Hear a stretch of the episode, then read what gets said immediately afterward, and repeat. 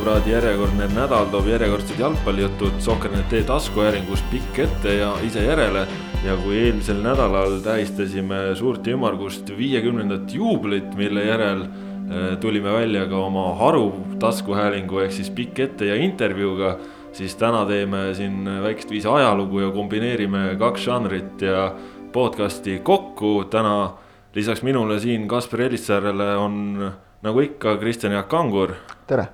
Ja hea meel on täna võõrustada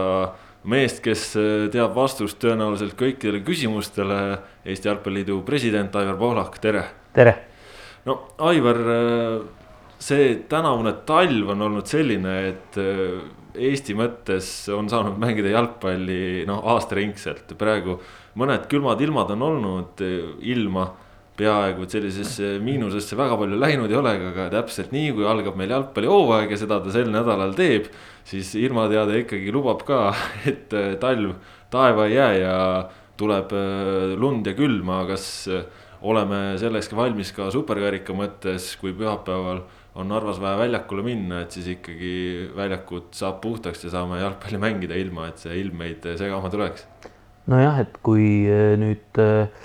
kui siis ütleme olla nagu või naljaga pooleks seda asja alustada, siis ma loodan, et, et, et nüüd siis tulevad need radikaalsemad fännid välja nende avaldustega, et et miks jalgpalli meistrivõistlustega ei alustatud siis, kui ilm oleks seda lubanud, ehk siis jaanuari alguses kohe ja aga, aga asja teine pool on ikkagi see, et, et jätkuvalt kirjeldan seda, et, et, et jalgpall on Euroopas talispordiala ja ja eriti meie kliimas ei ole seda teistmoodi võimalik, võimalik mängida Narva kunstmuru staadion on teatavasti altküttega ja ja, ja äh, ka seal on olemas traktor lume lükkamiseks, nii et äh, ja kuna Jalgpalliliit on ikkagi selle mängu korraldaja, siis, siis kahtlemata see mäng saab läbi viidud nii korralikes tingimustes, kui see vähegi, vähegi võimalik on ja ja, ja äh, tõepoolest äh, nii noh, vaatame siit praegu A Le Coq Arena aknast äh, või siseruumides anname seda, teeme seda raadiosaadet või mis selle asja nimi on, taskuhäälingut. et, et staadion on, muruväljak on ideaalses korras, tegelikult võiks ju nagu lambid sisse lülitada ja siin mängida ja nii ta enam-vähem terve talve ju olnud ka on, et et jah, jah, jah, jah, et on natuke trotsi ka, et, et tõesti kogu talv on olnud ilus ja, ja just siis, kui on vaja hakata jalgpalli mängima, et siis see talv kohale tuleb. No ma ei tea, kujutad sa ette, et, et me siin selliselt trotsiksime nagu iga kord, et, et, et kiruksime ja tegeleksime sellega, et ei, tegelikult on lihtsalt, et ma arvan, et nii nagu igal pool mujal, nii nagu Itaalias, nii nagu Poolas, nii nagu Taanis, et et meil on kalender, meil on oma formaat, meil on sellest lähtuv kalender ja, ja sellest lähtuvalt me nagu käitume, et ja, ja teeme endast parima, et mängida siis, kui, kui saab. ja, ja kui ei saa mängida, siis, siis kriitilistes olukordades oleme ju mänge ka edasi lükanud. aga äh, hakata nüüd korraldama selliselt, et, et, et ma ei tea, palgata siia mingisugune ilmavana, kes hakkab meil täpselt seda liiga kalendrit nagu prognoosima, et see ei ole nagu reaalne, et, et, et et noh, eks see on mingit pidi vaata see traditsiooni teema lõpuks, et, et kui inimesed on nagu harjunud äh, et jalgpalli mängitakse sellistel aastaaegadel, siis, siis nad ka teda nagu vaatavad ja riietuvad vastavalt, et et ma mäletan, no kakskümmend aastat tagasi üks St Pauli fänn ütles, et et, et iga teine nädalavahetus on üks ja seesama. sitt ilm ja meeskond saab sita mänguga null-üks tappa ja, ja, ja, ja kogu aeg sa pead nagu seda üle elama kogu aeg ja ja, ja, ja see, ja see oli nagu ütleme, see sitt ilm ja, ja see meeskond saab null-üks tappa, need olid nagu sellised võrdsed asjaolud, keegi ei olnud nagu selles süüdi. niimoodi lihtsalt oligi kogu aeg, eks ole, et, et, et meil on natuke teistsugune ühiskond, et, et, et, et kõigepealt on vaja nagu süüdlane üles leida ja, ja, ja siis selle ümber nagu kraagelda, et aga tegelikult noh, ma ei tea, miks me peaksime nagu ilmast nagu kuidagi nagu masendusse sattuma, et me ikkagi ehitame üles äh, Eesti jalgpalliliigat ja, ja, ja tõsiseltvõetavat jalgpalliliigat ja, ja see on nagu mingit pidi noh, kuidas öelda, et saada selle eest nagu süüdistusi, et me tõesti tahame ehitada üles tõsiseltvõetavat jalgpalliliigat, seda ongi nagu mõnikord võib-olla nagu imelik nagu kuulata, aga aga, aga, aga noh, ma ei tea, tuleb sellest üle olla kogu lugu. Sel aastal nüüd tõesti see liiga peaks seda tõsiseltvõetavust juurde ka saama, jalgpalliliit on võtnud kasutusele siis veel täiendavad solidaarsusmehhanismid, need klubid, kes jäid eurosarja kohtadest ilma, kes jäävad UEFA solidaarsusrahadest ilma, need saavad nüüd jalgpalliliidult eraldi toetust, et palgata omale mängijaid see aasta. noh, kui praegu vaadata kogu seda üleminekuturgu no on olnud ikka nii kõva andmine siin juba talvel, et praegu siin hooaja eel vahetult enne selle algust tundub, et tänavuse põnevus saab olema ikkagi nagu erakordselt laes, väga huvitav ja, ja, ja eelkõige just võrdne hooaeg tundub olema, et on raske pakkuda, et kes võidab, kes jääb äh, tabeli keskele, kes jääb tabeli lõppu, et kas selle nurga alt äh, sa ise ka ootad seda aastat ja seda hooaega kuidagi eriliselt, et äh, nüüd nähagi mingisuguseid vilju sellele tööle ja panusele, mis on siin sisse pandud?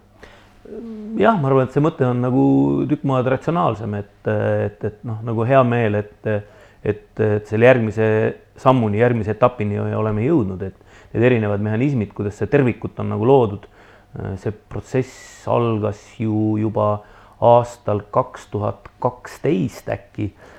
kui me kehtestasime ETM reegli selleks, et saaks hakata lood lo,, looma teatavaid eelduseid, eks ole. sellele eelnes ju ka, ka Fifas, UEFA-s, Euroopa Liidu selline ühisistumine, kus kirjeldati ära seda, et jalgpall ja sport hakkavad kaotama oma rahvuslikke ja kultuurilisi väärtusi, hakkavad muutuma primitiivseks meelelahutuseks, selle asemel, et kanda kultuuri tähendusi ja nii edasi ja nii edasi. Ja selle kõigega on ju seotud ka nende ütleme ka eelkõige jalgpalli edu. Ja kaks tuhat siis eh, kui minna nüüd reaalsete äh, rahaliste numbrite juurde, siis kaks tuhat viisteist võtsime vastu otsuse,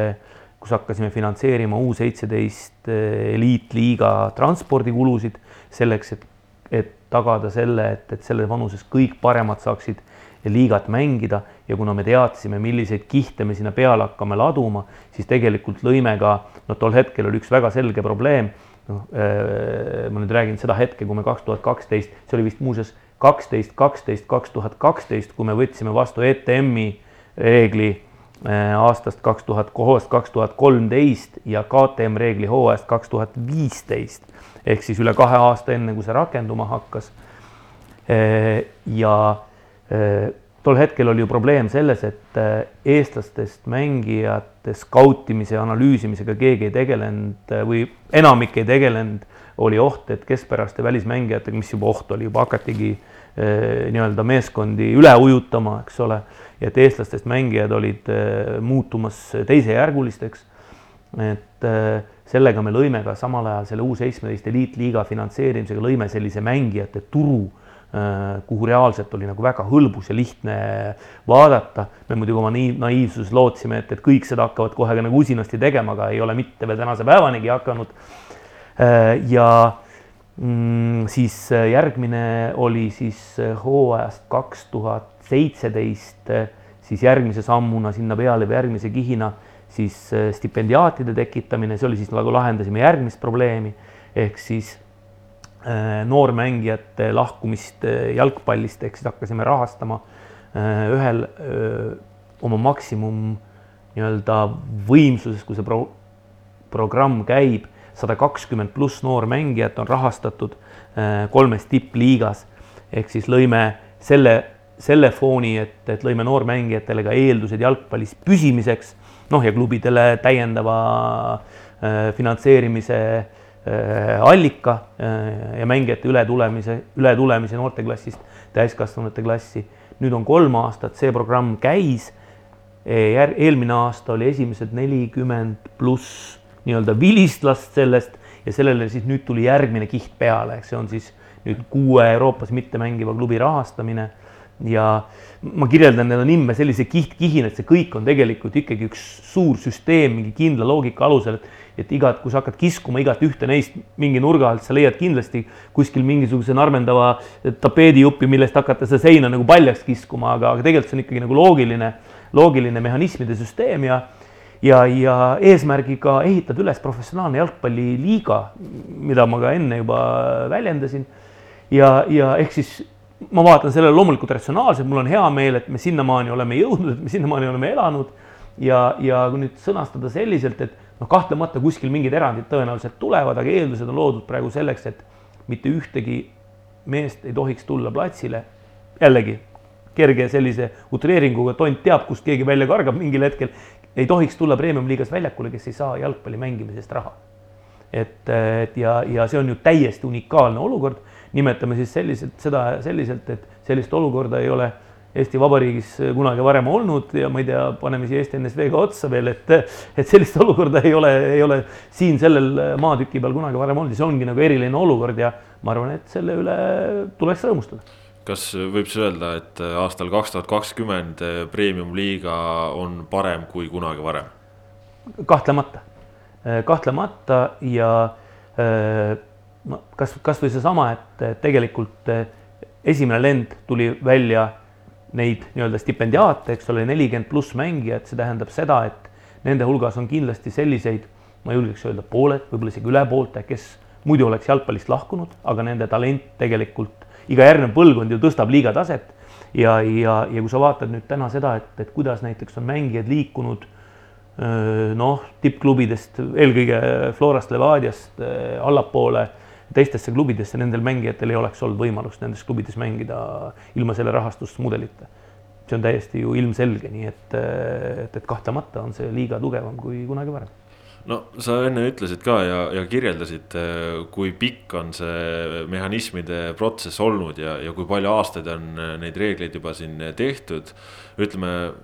see KTM klubis treenitud mängija reegel on viis aastat, noh, siis ütleme suurusjärgus nii-öelda kehtinud Eesti tippliiga tasemel. kuidas on võimalik, et viis aastat hiljem me endiselt näeme, et mingid klubid ei ole sellega rahul ja nad tõstavad väga nagu valjult häält selle teemal, et, et miks see nii on ja, ja kuidas ta on nii läinud? no ma ikkagi täpsustaks, et, et kahe, kahe, kahe, kahe koha pealt täpsustaks, esiteks kaheksa aastat on seitse aastat on, kaheksas läheb nüüd, eks ole, seitse aastat, rohkem kui seitse aastat tagasi sai see reegel vastu võetud ja pärast, pärast seda on seda reeglit ainult pehmendatud.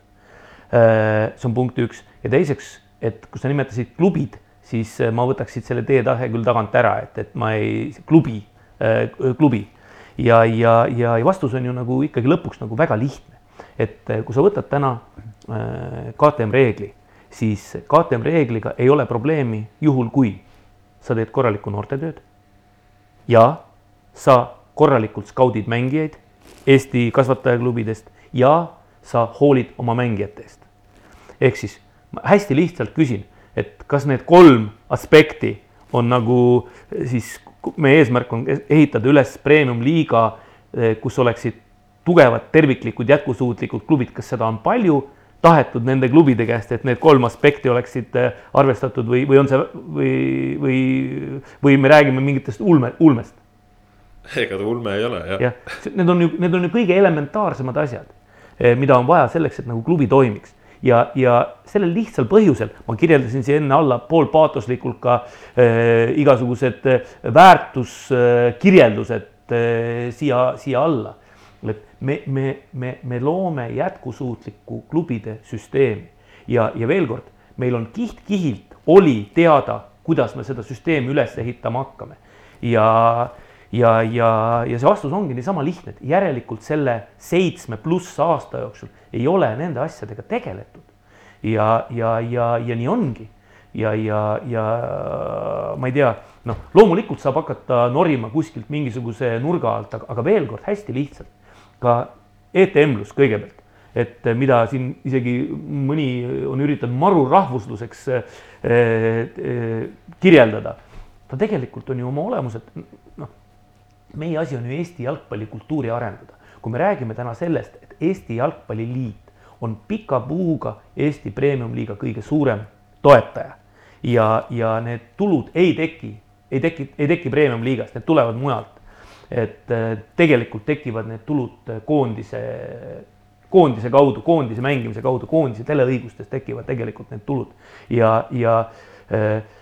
kui me neid ümber jaotame, on ilmselge, et meil on õigus seada ka prioriteete. Ja üks prioriteet ongi nendest, et me peame tagama Eesti mängijatele mingisugusegi kaitse. Ja, ja selles mõttes see siis mänguprotokollis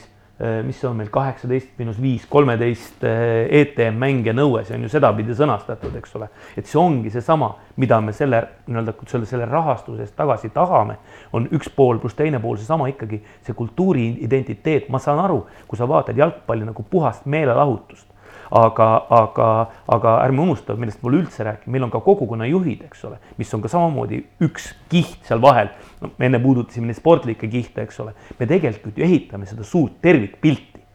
ja, ja, ja täpselt samamoodi noh, selle kogukonna osa peavad olema ka need Eestis treenitud mängijad ja ka klubis treenitud mängijad. ja, ja kui me kritiseerime oma noorte tööd, jällegi noh, väga palju kriitikat läheb või ütleme, seda üritatakse suunata nii-öelda jalgpalliliidu peale et eh, tegelikult see on ju klubide töö. me praegu oleme võtnud klubide töö üle ja loonud motivatsioonimehhanismi selleks, et seda kahte õnnetut mängijat eh, ühes mängus, okei okay,, see tähendab seda, et sul peab olema noh, kahekümne hulgas võib-olla viis, eks ole äh,. hästi lihtne, veel kord, korralik noortetöö, mängijate skautimine kasvatajaklubidest ja oma mängijatest hoolimine. seda peaks ju iga fänn tahtma, igalt klubilt tegelikult ja võtame nüüd premium-liiga, võtame kõige noorema klubi äkki siit tipust näiteks, no ma ei tea, Paide, eks ole, see on ju kõige noorem klubi. Paidel on minu teada praegu esindusmeeskonna treeningprotsessis, kas oli neliteist KTM-i, esindusmeeskonna treeningprotsessis. ja Jaanus Pruuliga üks päev oli meil selline vestlus, et mul jäi meelde number neliteist ja ta ütles, et neist noh, ta vist ütles kaks-kolm, võtame, et noh, pooled vähemalt. Äh, ta ütles, kaks-kolm ei ole ütleme sellised, keda saaks esindusmeeskonnast täna väljakule lasta, ehk siis üle poolte juba on sellised, kõige nooremal klubil, ehk siis või, või, või võtame sama see mängijate skautimise, ma kirjeldasin, me oleme terve platvormi loonud, siia on, täna on U üheksateist eliitliiga. täpselt samamoodi toimib, jalgpalliliit tasub kõik transpordikulud, ehk siis kõik paremad mängivad seal. muuseas äh, nädalavahetusel oli näiteks Florele Paidel oli kerge clash sellepärast, et, et mõlemad olid kutsunud äh, testima kaks tuhat viis sündinud mängija, ühe seesama mängija. jah, et, et noh, normaalne nagu tegevus, eks ole, et ja, ja, ja kunstlik KTM loodi veel sinna selleks, et, et see asi ei, et see protsess ei mõjutaks ühte päeva. ehk siis tegelikult noh, ma ei tea, sa pead hästi natukene nagu tegema selleks, et seda protsessi nagu kõike hoida nagu normaalsena. aga kui sa tõesti nagu mitte midagi ei tee, loomulikult on jama no see on täitsa selge, jah. kui nüüd vaadata seda praegu noh, seda hetke olukorda, klubi, kes on, äh, räägime siis nii-öelda hüpoteetilisest klubist ka praegu, sest ütleme, meil on siin olnud ka Volta näiteid ja, ja muid selliseid, klubi, kes ei ole, nagu sa ütled, mingil ajal nagu seda, sellesse protsessi sisse tulnud, ei ole teinud seda tööd, mida on vaja teha. millised variandid neil praegu on selleks, et et joone peale jõuda võimalikult kiiresti, milliseid sina näed? Äh, enne, ütleme noh, mis, mis täna on, palju meil on hooaja alguseni, no on, on poolteist nädalat, kaks nädalat. kümme, kümme päeva. kümme päeva, eks ole, kümme päeva. no täna on juba väga raske, eks ole, aga hästi lihtsalt kirjeldades, et, et kaks kuud tagasi oli võimalik leida üheksakümmend seitse ja hiljem sündinud ETM mängijaid ja teha neist kunstlikud KTM-id noh, ütleme nii, et see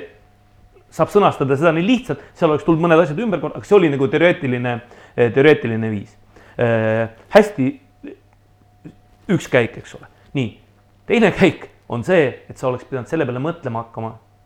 kaksteist, kaksteist, kaks tuhat kaksteist, eks ole, ja isegi kui sa esimene aasta ei mõelnud, teine aasta ei mõelnud, kolmas aasta ei mõelnud, neljas aasta ei mõelnud, isegi neli kaksteist, kaksteist, kaks tuhat kuusteist oleks veel täiesti piisav aeg olnud, et äh, tuua klubisse, ma ei tea, kolm andekat, neli andekat, viis andekat äh, mängijat sünniaastatega äh, siis kes oleks tol hetkel olnud, praegu oleks olnud siis ütleme kahekümne kolme aastased, sest sa kolme aastaga sellise jooksul sa saad KTM-iks näiteks kaheksateist kuni kahekümne aastast mängijat ja nad oleks täna olnud KTM-id, see on tegelikult ju järjepidev protsess. Et seda oleks tulnud ühel hetkel alustada järjepideva protsessina, mitte venitada seda kummi, see tegelikult on ju täpselt samamoodi. et, et sa ju tegelikult hoiad selle arvelt kokku lõpuks ja üritad läbi selle saada mingit eelist. et hästi lihtsalt noh, eh, eh, noh, me räägime sellest hüpoteetilisest klubist, eks ole, et sellest hüpoteetilisel klubil ei ole täna mitte ainult KTM mängijate, ETM mängijate puudus, hüpoteetilisel klubil ei ole ka spordidirektorit, hüpoteetilisel klubil ei olnud nädal aega tagasi kogukonna juhti ainsa klubina. hüpoteetilisel klubil ei ole sisuliselt noortetöö juhti olnud mitut, mitu aastat jätame arvestamata selle suurepärase ja toreda mängumehe, kes mängimise kõrvalt noortetöö juhiks pandi. et, et siin on nagu nii palju asju on hüpoteetilisel klubil nagu puudu, et siin rääkida, et see on ainult nagu KTM ja ETM probleem, et see on nagu kaugel sellest. et, et või, või, hüpoteetiline klubi on ainus premium-liiga klubi, kes ei, kes keeldub kogukonna juhtide projektis UEFA-le andmast juurdepääsu oma sotsiaalmeedia nagu andmetele et, et, et noh, hästi lihtsalt, jalgpalliliit on süüdi. ma küsin sult selle nurga alt, et äh, üks etteheide veel, mis on nagu olnud nendele KTM-idele, loomulikult ütleme, kui meil on klubis seal noh, kümme KTM-i, siis ei, on see sisemine konkurents jätkuvalt toimib samasugustel alustel, kui neid on, ütleme näiteks viis siis on justkui välja toodud, et, et nendel KTM-idel tekib mingisugune mugavustsoon, teades, et noh, neid pannakse väljakule niikuinii. kui, kui tõsiseltvõetav selline loogika üldse nagu no aga ei ole ju, et see ongi täpselt nii, et kui sul on kolm KTM-i, muidugi nad on mugavustsoonis või on kaks tükki, eriti mugavustsoonis, eks ole. aga, aga see ei ole ju see number, mille peale tegelikult nagu mängitakse äh,. hästi lihtsalt äh,, jalgpallis ja üldse Eesti spordis kui miski on loogiliselt rahastatud, siis see on äh, noortesport äh,. vaatasin, te nägite ka, lappasin siin pabereid enne äh,, lasksin endale tuua numbrid reaalselt laua peale äh,. kolme hüpoteetilise Tallinna tippklubi noortetöö eelarve äh, läbi Jalgpalliliidu poolt äh, antavate vahendite Tallinna pearaha Äh, olümpiakomitee treeneri kompensatsiooni ja lastevanemate treeningtasude on suurusjärk nelisada viiskümmend kuni kuussada viiskümmend tuhat eurot. see on väga korralikult rahastatud valdkond, ainukene valdkond Eesti spordis, siis noortesport, mis on loo-, enam-vähem loogiliselt ja korralikult rahastatud. ehk siis ja väga muuseas mäletan seda hetke, kui me seda KTM-indust nagu ja ETM-indust kirjeldasime, siis see oli üks argumente, mis oli alla joonitud selleks, et noorte spordis olevat raha sihipäraselt kasutada.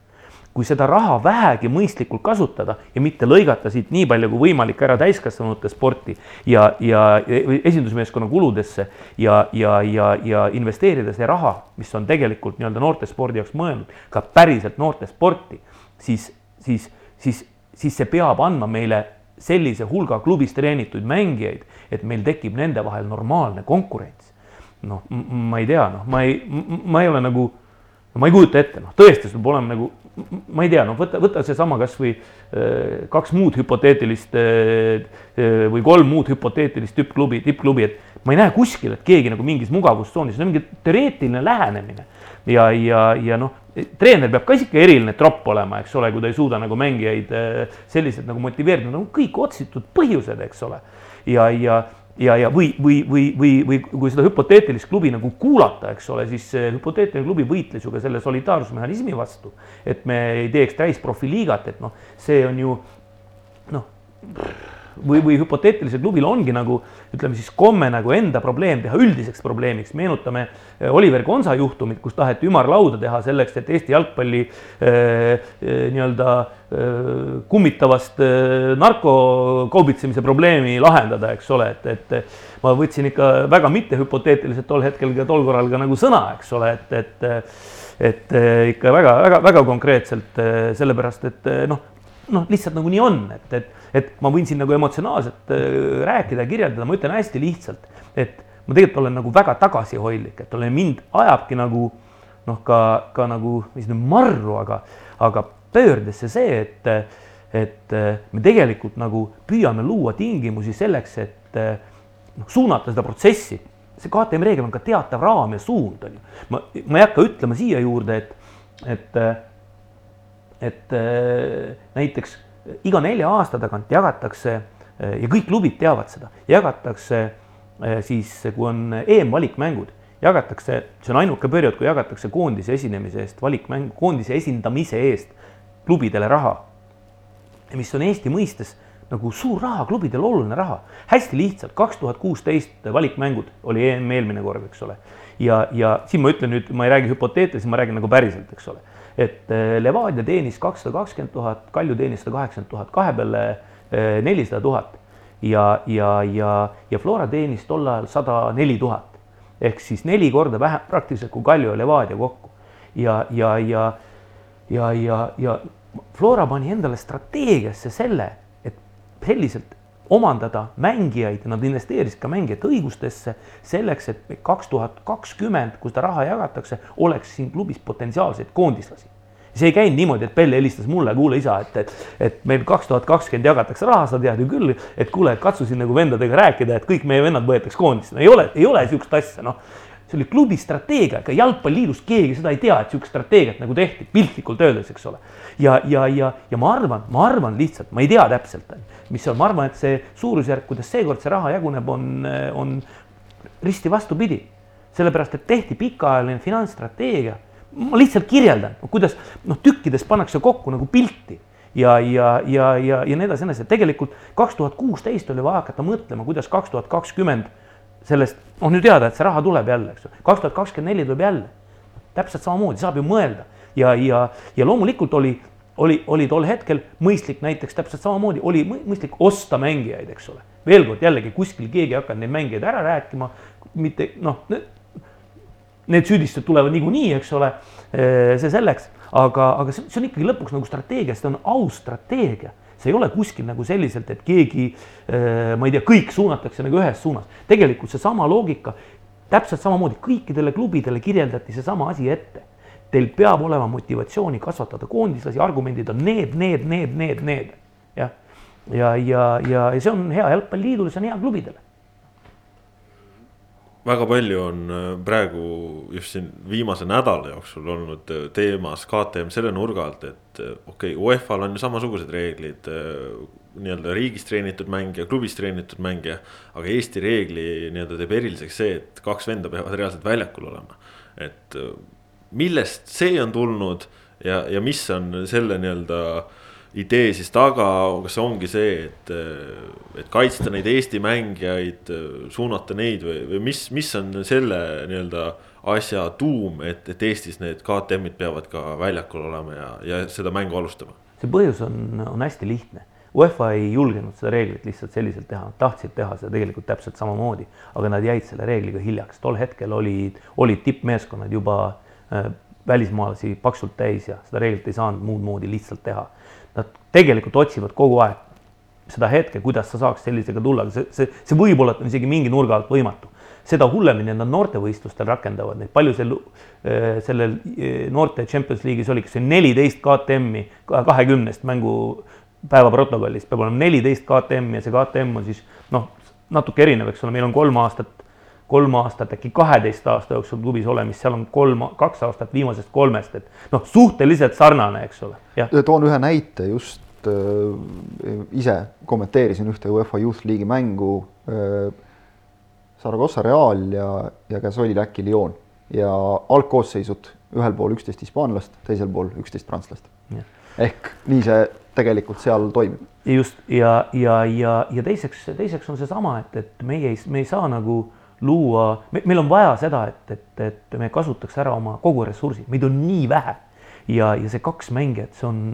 noh,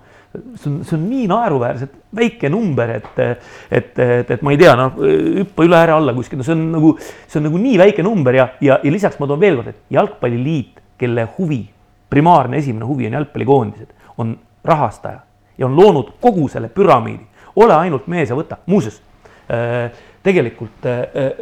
võtsin premium-liiga klubide eh, ka sellesamase stipendiumi projekti välja, lihtsalt, et kasutegurit eh, vaadata. Ja, ja, ja, ja jällegi hästi lihtsalt.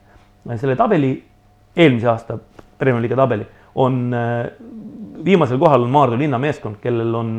ühtegi mängijat ei ole, ühtegi stipendiaati ei ole kuskile koondisesse jõudnud. ja, ja, ja, ja näiteks hästi lihtsalt. Floral stipendiaate, koondislased viis kuuest, kuus on praegu see arv, eks ole. Levadial neli kuuest, Paidel viis kuuest, Narva Transil kaks kuuest, Kuressaarel kaks kuuest, Viljandil kolm kuuest, Tammekal neli kuuest, Tallinna Kalevil kaks kuuest ja hüpoteetilisel klubil üks kuuest.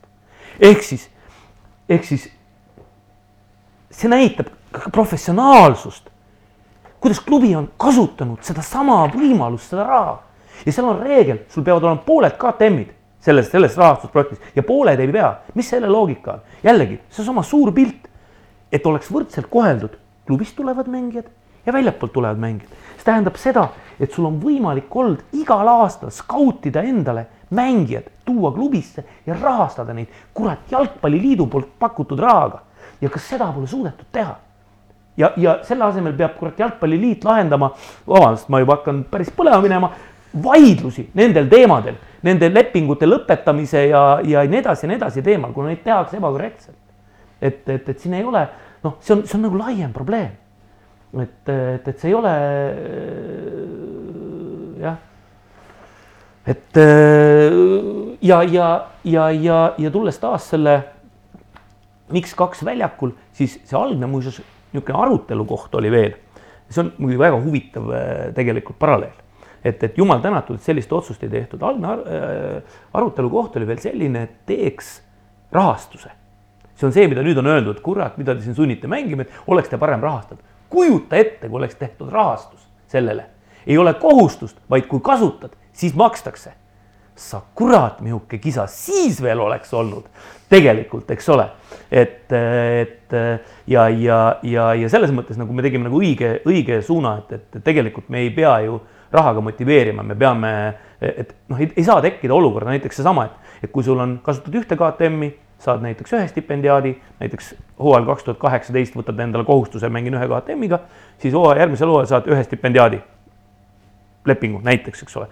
kasutad kahte, saad kaks, kasutad kolme, saad kolm. Me paneme niimoodi ühe klubi äärmiselt ebavõrdsesse olukorda need eh, noormängijad, kes sealt nagu tulevad, kui me klubi käitumise paneme sõltuma, sõltumaks sellest, loomulikult on siin võimalik, ma arvan, ka nii palju jama tekitada, et võetakse üldse solidaarsusmehhanismidest, visatakse välja, lõpuks tõenäoliselt on see võimalik, eks ole. aga praegu me vähemalt oleme loonud nagu eeldused, et tegelikult ka igas klubis on võimalik ilma reegleid, äh, äh, ütleme nii, et on, on sund nagu mingeid asju täita ja see tähendab seda, et on mingid tingimused kindlalt garanteeritud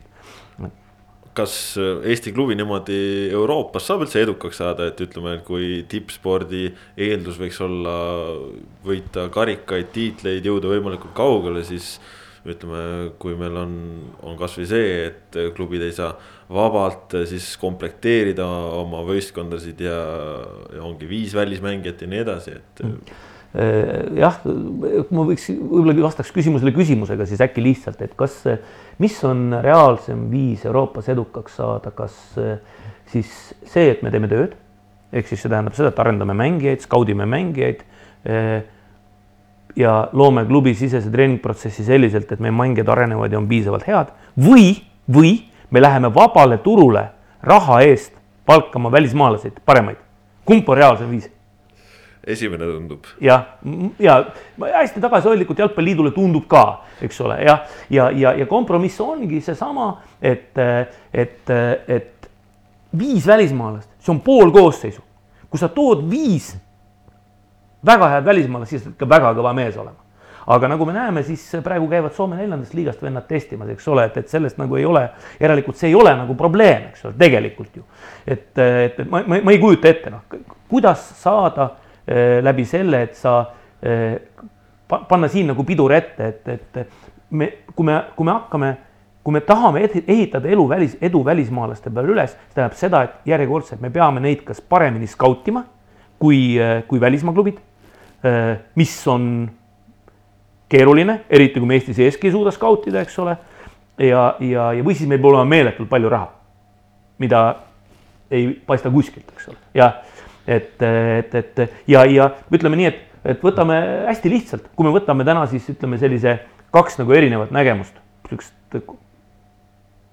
kolm erinevat nägemust, võtame mitte hüpoteetilise Levadia, Paide ja Flora, eks ole näiteks, mis on Levadia kombinatsioon täna? Levadia kombinatsioon on siis ütleme mingis ruumis klubis kasvatatud mängijad, mingit ruumis klubisse toodud mängijad ja siis ütleme, välismaalt toovad nii häid mängijaid kui võimalik, kes on tolleks hetkeks võimalikult kõrgel tasemel, selline kombinatsioon. võtame Paide kombinatsiooni, eks ole, oma mängijaid neil täna noh, on piiri peal sisse tulemas, nad on skautinud Eestist eh, parimaid mängijaid, kes on võimalik eh, nii-öelda teinud nad ühel või teisel moel KTM-iks, eks ole, ja siis toovad välismaalt mängijaid, keda nad tahavad siin arendada ja keda nad tahavad siis muuta, kelle väärtust nad tahavad nagu kasvatada, eks ole, teine lähenemine. Ja, ja kolmas lähenemine on Flora, eks ole, kes siis kes siis äh, skaudib Eestist mängijaid, kasvatab ise mängijaid, meelega ütlesin sellises järjekorras praegu, eks ole, ja, ja kes tahab olla edukas läbi eestlastest mängijate. et väga, kolm väga konkreetset erinevat viisi, kellelgi pole mitte mingit probleemi ühegi, ühegi reegliga. jah, et äh, kui me nüüd jätame korraks need äh, tippklubid, Eesti tippklubid kõrvale ja, ja vaatame ülejäänud ütleme siis eeskätt premium-liiga klubisid. Need kõik need KTM-id, need erinevad mehhanismid, need on noh, nii-öelda leebelt õigele või, või ütleme siis Eesti jaoks ikkagi suuresti ainumõeldavale teele, loogilisele teele suunamiseks. Kuidas sulle tundub, et vähemalt mulle kõrvalt nagu paistab, et, et klubid enamik, noh, kui me vaatame siin Tulevik, Tammeka on nagu tegelikult tulnud sellega juba väga hästi kaasa, on mul õigus? ja kõik klubid on tulnud äh, väga hästi kaasa ja, ja täna on meil siis äh, kahekümne viies jah, äh, veebruar, et kahekümnes veebruar oli siis selle käivitumise nagu tähtaeg, eelmine nädal oligi siin kõvasti jalgpalliliidus ka rapsimist, et me tahtsime, et esimesel korral kõik ideaalselt käima läheks ja, ja, ja ta läkski, et et, et, et noh,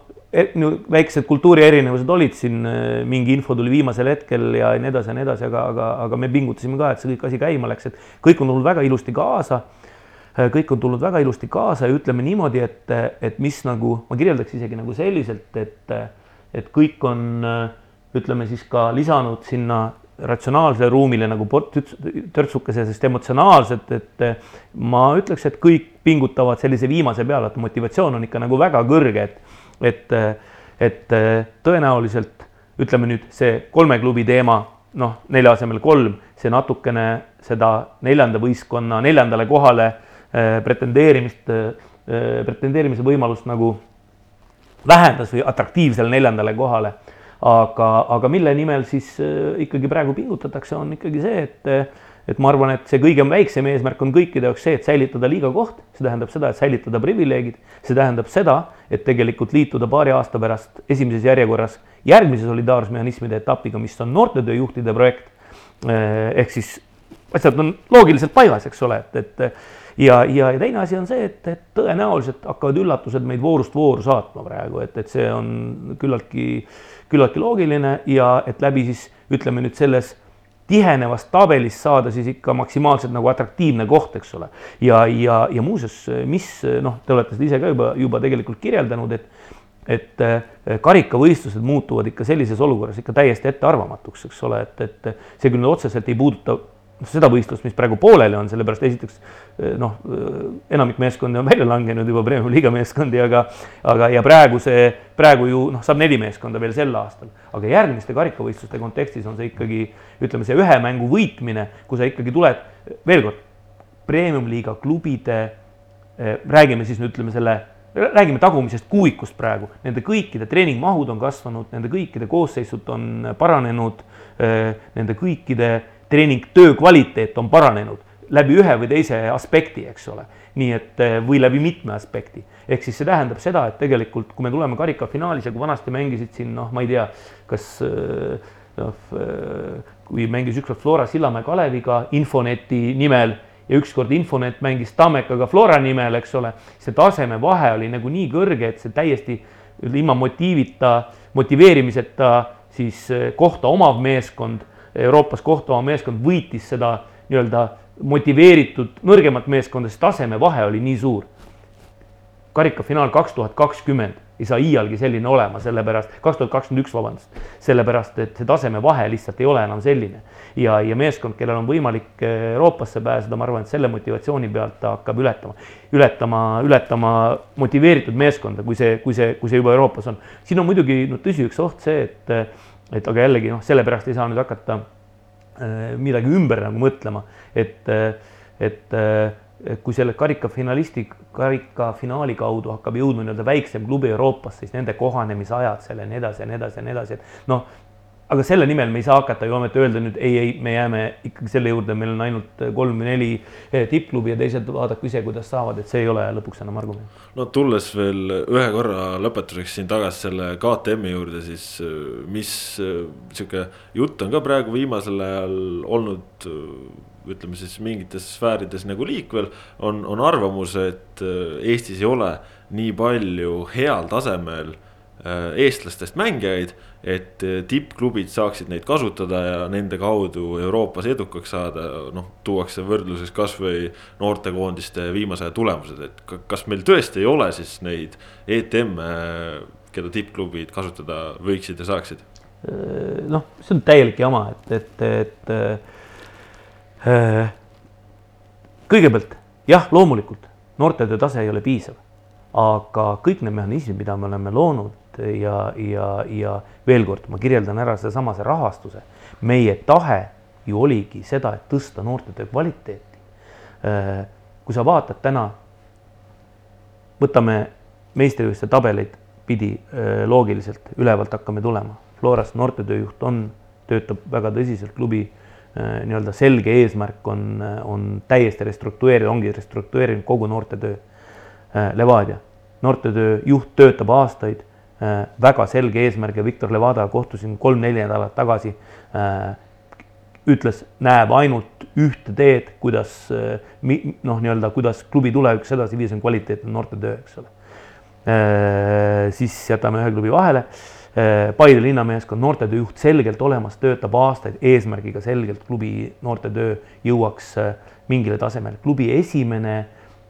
noortegrupp sisuliselt oli see kaks tuhat üks, kaks, kolm, sealt on mängijad juba protsessis sees, esindusmeeskonna protsessis ja duubli protsessis sees. Tartu Tammeka, täpselt sama teema Äh, noortetöö juht äh, Marju Hansi töötab, äh, töötab juba aastaid selle nimel. Tammeka on võib-olla kõige vähem muutusi läbi elanud meeskond kahe hooaja vahel. Üks, üks kõige vähemaid, eks ole. üks täiendus sisuliselt ja kaks lahkujat. jah, et aga mis näitab seda, et, et ja ometigi väga noor meeskond ehk siis kindlasti astub sammu edasi. jällegi, kus see, kus see mängijate puudus on täpselt sellesama, see, see on sama see nurga alt, et et äh, noh, siit võime samamoodi nagu edasi minna alla, et äh, ma võin öelda sulle, et äh, mm, Flora, mul on juurdepääs Flora skautingu siis tabelitele ja kaks tuhat kuni kaks tuhat kolm on selles tabelis üle seitsmekümne mängija keda klubi tõsiselt jälgib. kaks tuhat kuni kaks tuhat kolm ja sealt on tegelikult Flora oma valiku juba ära teinud. ja, ja meenutan, seda ma olen ka varem intervjuudes öelnud, kui Flora skautis üheksakümmend kuus kuni üheksakümmend üheksa sündinud, siis Pelle ütles, et kakskümmend pluss mängijat, kes väärinuksid tegelikult mängima Eestis tippjalgpalli, jäid lihtsalt kõrvale. ja enamik neist äh, astuski jalgpallist kõrvale, sellepärast et neil ei olnud tol hetkel kohta et, et mängijate puudust, jah, kvaliteet peaks tõusma ja kvaliteeti peaks tõstma, aga kasvõi seesama mängijate, no ma ei tea, kuueteist-seitsmeteistaastaste mängijate skautimine, toomine klubisse, nende arendamine, no kurat, see on ju võimalik. no veel kord seesama, ma tõin alguses või enne ütlesin, seesama kaks tuhat viis mängija, kus äh, Flora Paide juba jooksid ühe kahe tuhande viiese mängija peal kokku, lahenes kõik rahulikult ja sõbralikult. et mõlemad pooled raporteerisid mulle, et probleemi ei ole. et, et, et see on ju, see on ju neljateistaastane poiss, noh jumala hoia, et, et, et kui selliselt oleks vaadatud kaks tuhat kaksteist, kaksteist, kaks tuhat kaksteist, eks ole, siis äh, sellest ajast on möödas seitse aastat, see poiss saaks praegu kakskümmend üks, eks ole, ehk siis see kõik on ja ongi ajas, aega nõudvad protsessid, aga kui täna ei alusta, siis, siis, siis ülehomme ei olegi midagi. Lähme siit nüüd sujuvalt edasi teise teema juurde. noh, ma alustan provotseerivalt, nagu sa ise ütlesid ka, sul on juurdepääs Flora skautingu listidele kas see on ka põhjus, miks Karel Voolaid on siin välja öelnud, et Georgi Dunjovi ta näeb praegu esialgu Eesti U kakskümmend üks koondises, mitte A-koondises, ehk siis A-koondises peavad ikkagi Flora mängijad mängima. sa mõtled, et Dunjovi, selle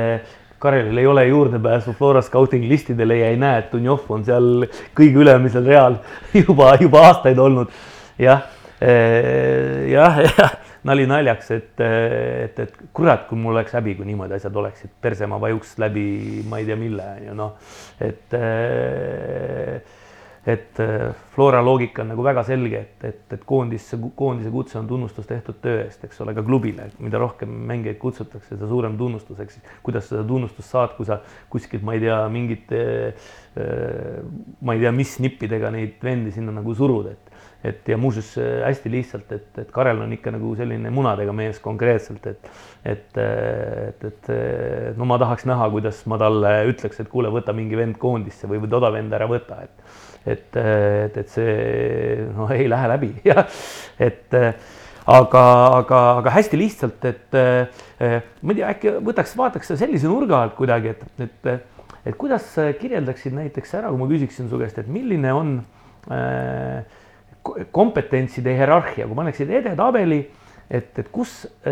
kes on esimene, kes on teine, kes on kolmas. kui võtame esimesele positsiooni või paneme ühe kolmest on Jalgpalliliidu president, siis on jalgpalli ajakirjanikud ja siis on fännid. et milline see kompetentsi pingerida nagu peaks, võiks olla või on? no ma arvan, praegusel hetkel see Jalgpalliliidu president hüpoteetiliselt võiks olla esimesel kohal, sest muidu lihtsalt võib-olla ta ei peaks oma tööd tegema Äh, siis ma eeldan äh, info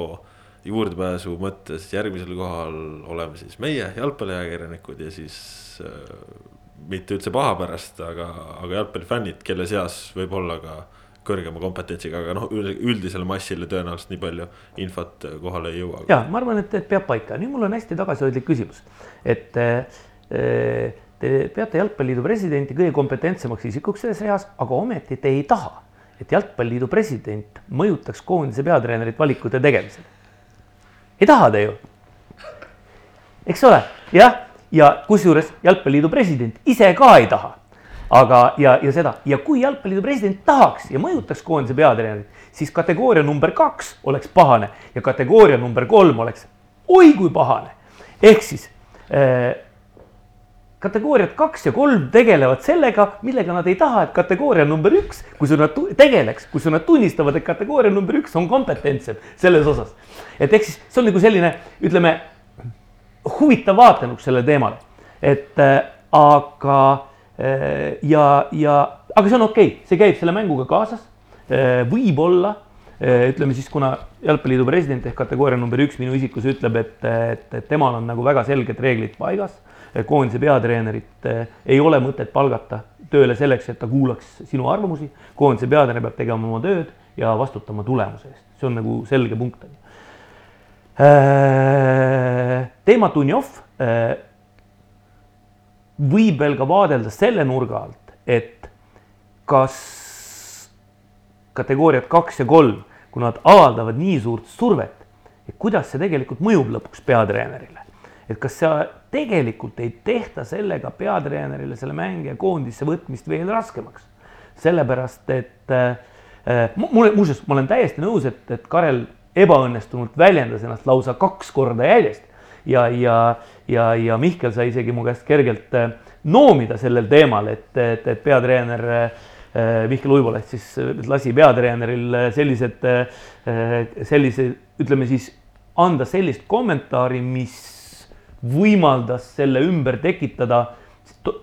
sellise turbulentsi, nagu see tekkis, sest, sest et see turbulents eh, võib panna peatreeneri väga lolli olukorda. et isegi kui ta tolleks hetkeks, kui ta seda koondist kokku kutsuma hakkab ja ta tahaks selle mängija valida, siis tal võib tekkida olukord, et kurat, et kui ma nüüd ta võtan selle surve tulemusel, siis hakatakse mulle pärast iga venda sisse toppima, eks ole. jah, ja, ja, ja, ja nii edasi ja nii edasi ja nii edasi ja nii edasi. Et, et, et sel, sel asjal on ka see pool. nüüd, kui te küsite kategooria, esimese kategooria käest, mida ta isiklikult arvab, sest et tal on isiklik arvamus olemas kahtlemata, siis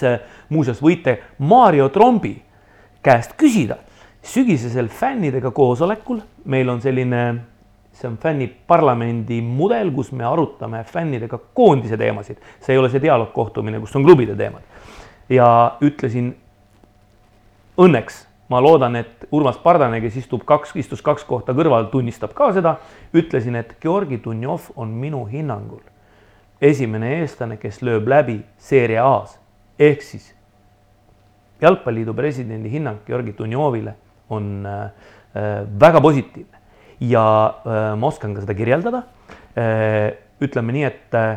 on üks väga õnnelik areng jalgpalluritel, kui nad omandavad mängija oskused ja mängivad, ütleme siis võimalikult kaua, võimalikult kõrgel tasemel, olemata füüsiliselt lõpuni välja arenemata. ehk siis Georgi Dunjov oli kilu, täielik kilu ja, ja tal oli vaja õppida mängima kilu, kiluna. ja, ja ta oli väga hea mängija kiluna. hästi lihtsalt. Ma loodan, et keegi nagu liiga palju ei pahanda, et ma toon seda Flora näidet siia sisse, mitte mingisugust uhkusest, aga lihtsalt jällegi, kui ma olen, kuna ma olen neid scouting liste näinud, siis näiteks Georgi Dunjovi puhul on kirjeldatud ära ka tema vanemate gabariidid seal muuhulgas näiteks. ehk siis ütleme, et oli inimesi, kes teadsid, et sellest tuleb äh, väga hea mängija väga heade füüsiliste eeldustega. ehk siis see ei ole mitte mingi üllatus, näiteks mulle, see ei ole mitte mingi üllatus. ja, ja ütleme siis niimoodi, et mm, hästi lihtsalt, kui ma saaksin väljendada või peaksin õigeks väljendama oma tahet, siis ka mulle meeldiks, kui teda kutsutaks praegu, sest et äh, jällegi ma arvan, et ma ei pea kellelegi seda tõestama, ma olen eluaeg toetanud noormängijaid, pigem seda loogikat, eks ole. aga Karel peab saama selle otsuse, peatreener peab saama selle otsuse ise teha.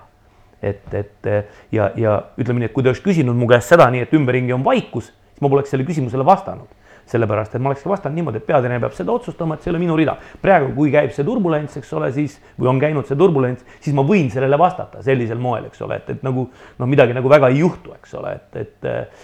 et ja, ja, ja, ja ma olen ka nagu väga hoolikalt vaadanud neid Kareli nagu kommentaarid üle, et ma arvan, et ütleme nii mug oluliselt mugavam oleks olnud tal teha seda otsust puhtalt lehelt ja suhteliselt viimasel hetkel. sellepärast, et vaadata natuke, kuidas see kõik, kõik, kõik kujuneb. Ja, ja tegelikult ju tema mõtte üks loogikaid oli ka veel see, et, et, et mida ta võib-olla nii selgelt välja ei öelnud, et, et, et noh, kuna U kahekümne ühel on mängud, eks ole, et, et siis targem on võib-olla, kui ta mängib näiteks seal ja saada mingisugune, mingisugune, ma ei tea, anda mingi selline kogemus või midagi sellist, et, et äh, kuigi ma näiteks isiklikult, ma ei tea, kui ma oleks peatreener, ma tõenäoliselt julgeks ta platsile lasta küll, eks ole, aga, aga ma, mulle ka ei meeldiks, et seda surutaks nagu koondisse sisse sellise nurga alt, et aga aga ma hästi lihtsalt ütlen veel, et, et, et koondis mängib, A-koondis mängib tulemuse peale, et see on nagu, see on nagu fakt, et, et ja, ja, ja, ja, ja ma, kuna selliseks, kuidas öelda, selline avatud vestlus on siin, siis äh, mäletate, kui Madis Vihman äh, nüüd pani selle jalgpalluri karjäärile siis sellise suure punkti taha või hästi väikse punkti vastupidi. mäletame, mäletame ja, ja, ja kui Karel seda kommenteeris, siis ta ütles, et tal oli minuga üks kohtumine, küll teisel teemal, aga aga, aga ta seal kuulis sellel kohtumisel nagu seda Madise juttu nagu minu käest. et, et ma isegi ilma Karelilt luba küsimata, ma kirjeldan korra, mis kohtumine see oli tegelikult, et, et see oli, see oligi nagu selline kohtumine, kus ütleme mm,, minu asi on äh, mulle mingi nurga alt näidata valgust mingitele protsessidele selliselt, kus, mida võib-olla nagu peatreener ise ei märka või, või, või noh, mis ei ole otseselt seotud nagu koosseisude mingite muude asjadega, mis võib aidata edasi. ja, ja, ja meile siis Jano Kivisilla ja Tarmo Lehistega, kui me kuulasime Kareli eelmist, eelmise hooaja kokkuvõtet, meile torkas silma, et äh, ta kõneles äh, meile, kirjeldas mängu lõppudes tehtud äh, lahendusi mitmel korral selliselt, et mõeldes järgmisele mängule. ja, ja, ja, ja minu tähelepanek Karelile, miks ma tahtsin, õieti see oli tema initsiatiiv. Ta küsis mu käest, kas mul on midagi talle öelda, ma ütlesin, no mõned asjad nagu oleks, on ju. ta tahtis kohtuda ja see oli üks asi, mida ma kirjeldasin talle, et ütlesin, et mulle tundub, et ta on harjunud võib-olla ma ei tea, kas koolitajana või võib-olla lihtsalt ise, et Eesti jalgpallis nagu väga palju asju vaadatakse protsessipõhiselt. et A-koondis on loomulikult ka protsess, aga ta on veidi teistsugune protsess. ehk siis minu asi, tollel kohtumisel juhtisin tähelepanu sellele, et ta mängu lõppudes, kuidas ta kirjeldas, ta, tema kirjelduste kaudu ta mõtles järgmisele mängule juba. ühtepidi nagu tervitatav protsess, aga teisest küljest seda sai ka mõista selliselt, et juhtisin tähelepanu, et Karel, äkki sa ohverdad tänast tulemust natukene homsele päevale. ehk siis sa ei tohi võtta koondises,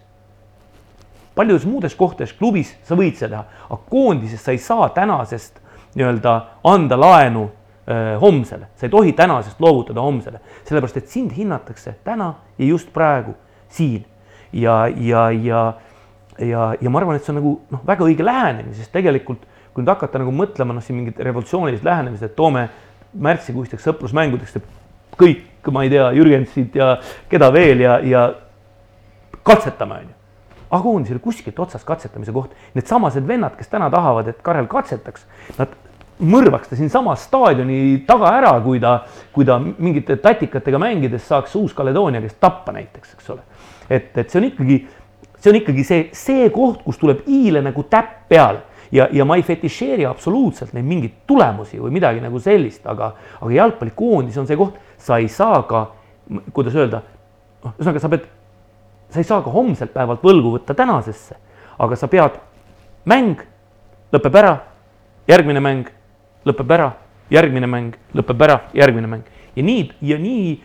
tuleb lõpuks see tulemus. ja, ja kui ühel või teisel põhjusel või kasvõi peatreener, ma ei tea, eksib näiteks mängijate valikul, siis tema ju vastutab selle eest. Ja, ja, ja, ja, ja kui koondise tulemust ei tule, eks ole, ja on täiesti ebareaalne, et Serie A-s heal tasemel mängiv vend jääks kõrvale, reaalselt Äh, kui tal noh, äh, loomulikult, et sinna väljakule saada, tal peabki juba tase olema, aga seal on ka tõenäoliselt mingid muud protsessid ümber ja kõrval ja nii edasi ja nii edasi ja nii edasi ja nii edasi, et, et, äh, et täpselt nii see on, eks ole, et, et. selle nurga alt on nüüd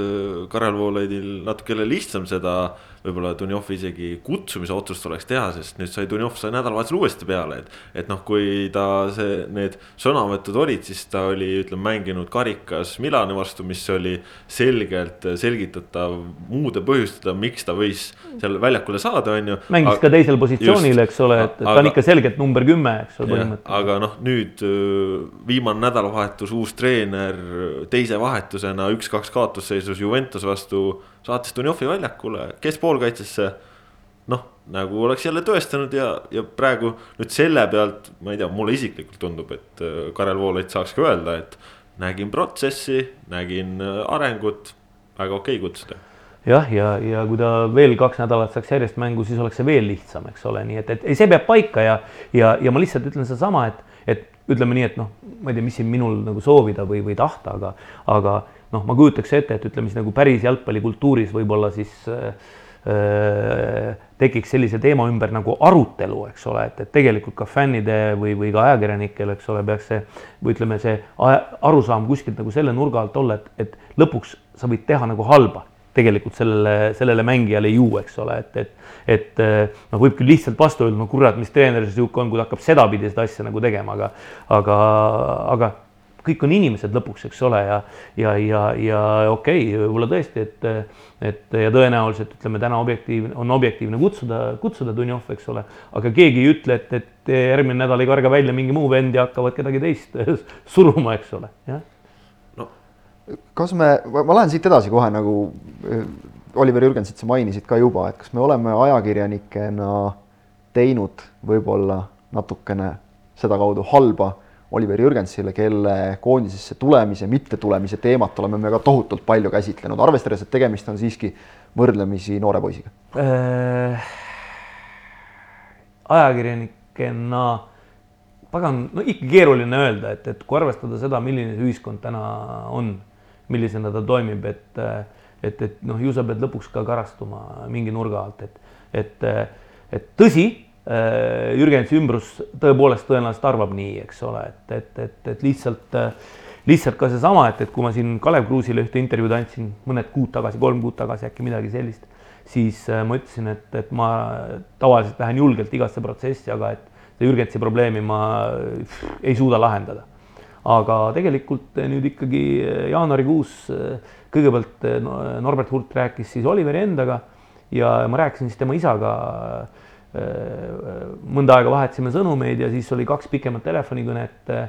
üks umbes kaks nädalat tagasi, üle tunnine lausa ja, ja teine eile sihuke kolmkümmend viis, nelikümmend minutit ja, ja, ja äh, eks, eks nemad veidi tunnevad selliselt tõepoolest, et, et, et noh, ütleme nii, et nad ka, kuna ütleme siis nagu toimub nad on nagu noh, väga ambitsioonikalt selles protsessis sees, väga hoolsalt jälgivad eh, kõiki, mida kirjutatakse, kõike, mida kommenteeritakse, eks ole, et, et noh, te teate ise ka, et ema on, ema on lausa seal protsessis nagu, nagu sees olnud, et ja, ja äh, ütleme siis hästi lihtsalt niimoodi, et, et, et minu nagu esimene ülesanne oli proovida seda probleemi lahendada praegu ja teine ülesanne oli ikkagi siis, ma ei tea, siis kasvõi noh, natuke suhteid korraldada kogu, kogu selle asja nagu nurga alt ja, ja, ja öö, ütleme siis niimoodi, et, et me jõudsime siis eile nagu suhteliselt nagu selgele arusaamisele, et noh, enne juba hakkas asi sinnapoole minema, et me üritasime nagu proovida leida lahendust sellele, et, et kuidas ta võiks U17 EM-il osaleda, seda lahendust ei leidnud. et ja, ja praegu on selleks ka sellised noh, kuidas öelda, nagu väga selged põhjendused, eks ole, et, et Oliver on võtnud eesmärgiks siis äh, AS Roomas profileping teenida. see tähendab seda, et ta tahab olla sada protsenti selles protsessis seal sees äh, kuni suveni, see võimalus on, on hea. ja, ja, ja ütleme niimoodi, et, et selle nimel tasub pingutada, et see on nagu mõistetav ja, ja ja, ja proovisime korra kirjeldada siia kõrvale ka, ka mingisuguse alternatiivi, et kas oleks võimalik tulla, tulla näiteks kasvõi üheks mänguks äh, ära enne. aga see tähendaks ikkagi kõik sisuliselt seda, et, et mis oli ka Norberti mõte, et, et noh, nii nagu ta ka Freiburgis räägib Freiburgi treeneriga otse ja lepib temaga need asjad kokku, noh, kuidas Šapovalovi suhtes asi toimib. seal on see asi lihtsam, et Norbert eh, isiklikult tunneb seda treenerit juba varasemast ajast. Norbert on ikkagi küllalt palju Flora liinis käinud äh, välismaal ja, ja ja, ja erinevates treeningprotsessides osalenud ka muuseas Tuhheli ajal Dortmundi Borussiaga näiteks. ja, ja ja Norberti plaan oligi see, et, et noh, ta räägiks selle Rooma selle peatreeneriga, selle vanuseklassi peatreeneriga, prooviks jõuda mingisugusele kokkuleppele, aga siis äh, ikkagi Oliveri isaga rääkides äh, me jõudsime selgelt arusaamisele, et see ei ole, see konkurents on seal ikkagi praegu noh, see tõestamise vajadus on sedavõrd suur, et et tõenäoliselt selles kultuuriruumis ja täiesti võõra inimesena sisse tulles, ma pean silmas nüüd, kui Norbert hakkaks selle treeneriga arutama, et noh, tõenäoliselt seal käib ka konkurents eh, veel eh, kahe mängijaga, muuseas, eh, keda ise Oliver isa naljaga pooleks ühte neist nimetas kohalikuks Šapovaloviks on ju, et, et kes pidi nägema välja täpselt nagu, nagu tema. et ja teine on keegi rootslasest kapp, eks ole, et tegelikult iga minut, mida sa annad kellelegi teisele mängida, selles olukorras sa loovutad konkurentsi. et ehk siis loomulikult on, see on nagu selle asja nagu sportlik pool, eks ole, ja praegu see U seitseteist ja ma tegelikult Oliveri isaga leppisin kokku, ma teadsin, ma täna tulen siia saatesse, ma leppisime kokku, et ma ütlen selle ka välja sellisel moel. ja, ja ehk siis äh, see U seitseteist äh, finaalturniiril Oliveri osalemine ei ole, ei ole võimalik. ja, ja, ja, ja küll aga me leppisime kokku selle, et, et, et me proovime siit nüüd nagu selliselt edasi minna, et, et ja loodame, et tal läheb nii hästi, et tulevikus siis, kui ütleme, on mingisugused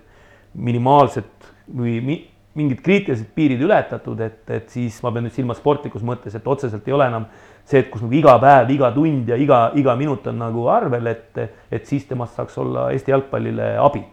aga küll aga siin see varasem periood, mis oli, et, et, et noh, need rääkisime ka nagu selgeks, et, et seal on ka nagu igasugused, ma kirjeldan lihtsalt, seal on hästi palju ambitsioone mis äh, nii saab, kahtlemata. ütlen veel, et tean, võib-olla ma olen ka seda varem paralleeli kasutanud, ma ei mäleta, kas ma Kalevi, Kalev Kruusi saates seda ütlesin. näiteks Arjen Robben on väga sarnane, tema äh, isa juhtis äh, siis tema karjääri täpselt samamoodi nõudlikult ja, ja, ja nii edasi ja nii edasi, nagu, nagu, nagu, nagu Jüri juhendab, juhib praegu siis nagu oma poja, poja karjääri. jah, loomulikult, kui sul oleks kakskümmend sellist mängijat, ühtepidi tundub, et, et noh, jõle kihvt oleks, eks ole, aga te, teistpidi see muudaks tegelikult täitsa võimatuks, sest see ambitsioon kirjeldab ära väga palju asju, seal ambitsioonis on äh, positsioon väljakul, seal ambitsioonis on mänguviis, mida meeskond mängib, seal ambitsioonis on kaaslased, kes meeskonnakaaslased, kes meeskonnas on ja kuidas nad mängivad. Ja nii edasi ja nii edasi, seal on nagu nii palju asju, ilma kriitikata, ma lihtsalt kirjeldan, jah, et seda pilti ongi nagu meeletult raske nagu kokku panna ja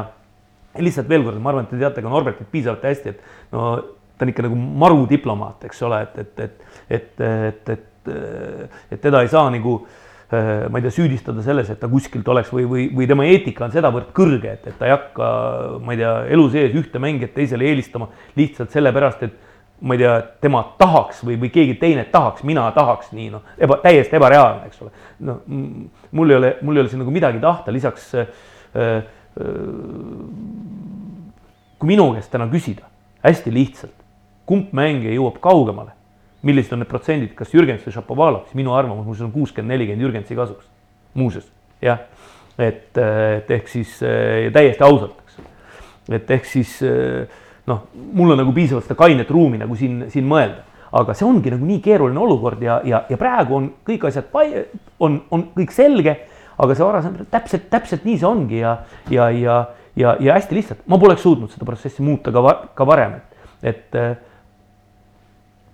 see on, see on erakordselt ambitsioonikas seltskond. see ei ole halb, see ei ole halb, kui see annab tagajärge, see on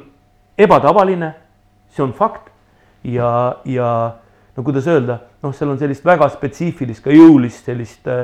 noh, ma ei tea, slaavilikku energiat, et noh, ma räägin head vene keelt ja me saime temaga väga hästi räägitud, eks ole, et, et see oli, ütleme, selline kahe kõva häälega mehe omavaheline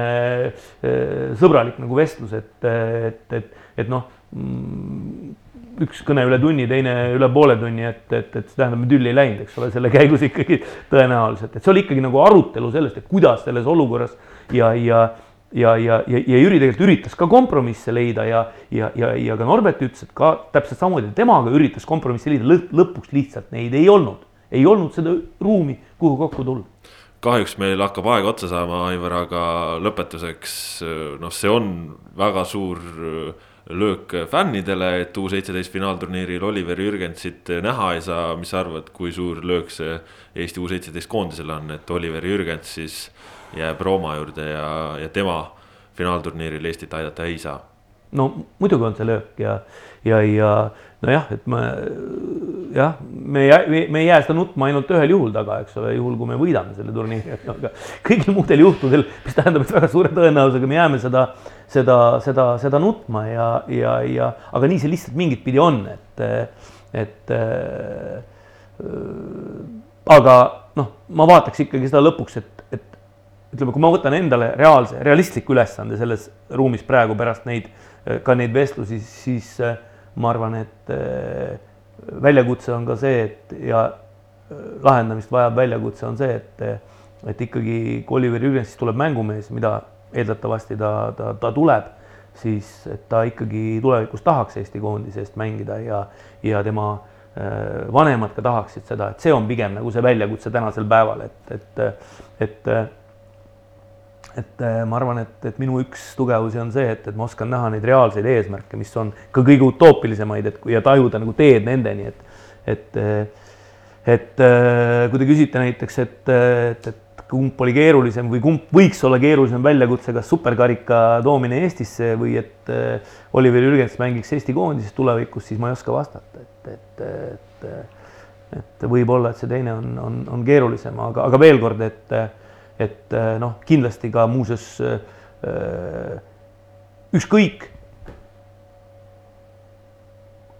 kas see hoiak on nii-öelda objektiivne, mitteobjektiivne aga noh, see oli mu jutust aru saada, ka Oliveri vanemate usk Eesti jalgpalli tuleb, äh, tuleb noh, ma ei tea, tuleb tekitada, jah, mitte taastada, vaid tekitada, jah. et, äh, et äh, ja, ja, ja hästi jällegi lihtsalt ilma kriitikata, et, et ja kui sul on noh, sellised ambitsioonid, siis loomulikult sa vaatadki Eesti jalgpalli natuke sellise pilgu, pilguga, et, et noh, jah. Robin isa poleks siia põhimõtteliselt üldse vaadanud, on ju, ütleme siis niimoodi. Aivar, aitäh sulle täna siia tulemast, meiega neid jutte rääkimast, aitäh kõikidele kuulajatele, aitäh Kristjan Jaagule, oleme tagasi uuel nädalal, siis juba tõenäoliselt tavapärasemas koosseisus. selline oli seekordne pikk ette ja ise järele, kõike head ja kuulmiseni